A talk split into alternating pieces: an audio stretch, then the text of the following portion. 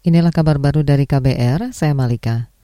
Saudara Kementerian Perdagangan mengklaim terus mengerahkan seluruh sumber daya untuk merealisasikan program stabilisasi harga minyak goreng. Wakil Mendak Jerry Sambuaga melalui keterangan tertulisnya kemarin mengatakan upaya itu tak hanya menata mata rantai pasokan, tetapi juga komunikasi serta koordinasi dengan semua pemangku kepentingan.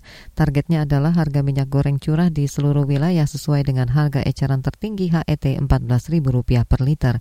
Sementara itu Menteri Perdagangan Zulkifli Hasan saat kunjungan kunjungan ke Lampung Sabtu lalu menegaskan program stabilisasi minyak goreng tidak boleh merugikan petani sawit. Untuk itu, ia meminta para pengusaha membeli tandan buah segar TBS paling sedikit Rp1.600 per kilogram. Nah, oleh karena kita sudah minta pabrik-pabrik kelapa sawit harus membeli di bawah paling murah 1.600, ya kan? Nah, saya dari Kemendak akan mempercepat, bukan akan mempercepat, kami sudah memutuskan agar ekspor cpo itu cepat.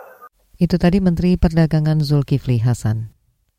Kinerja Pusat Pelaporan dan Analisis Transaksi Keuangan PPATK dipertanyakan terkait pengawasan terhadap lembaga pengumpul dana aksi cepat tanggap ACT. Hal itu diungkapkan anggota Komisi Hukum DPR Habibur Rahman yang juga politikus Gerindra. Apalagi kata dia PPATK telah lama mengendus indikasi mencurigakan dari transaksi yayasan tersebut.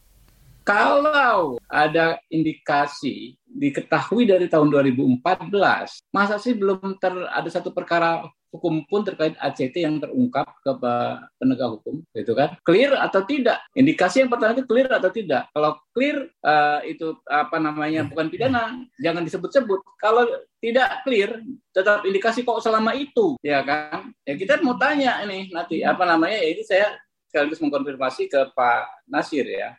Sementara itu, ex-presiden ACT Ahyudin kembali dijadwalkan pemeriksaan di Baris Krim Polri hari ini.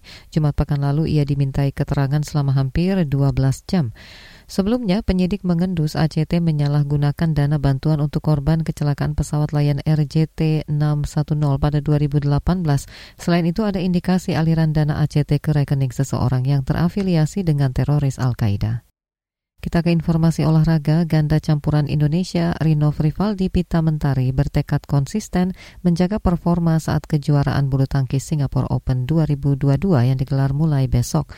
Dikutip dari keterangan resmi PBSI, Rinov mengatakan pencapaian mereka di Malaysia Open sebagai runner-up memberikan dorongan positif.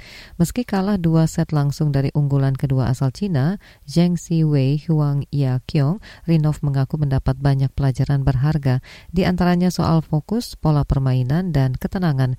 Berdasarkan draw sementara, Rinov Pita akan menghadapi pasangan dari babak kualifikasi.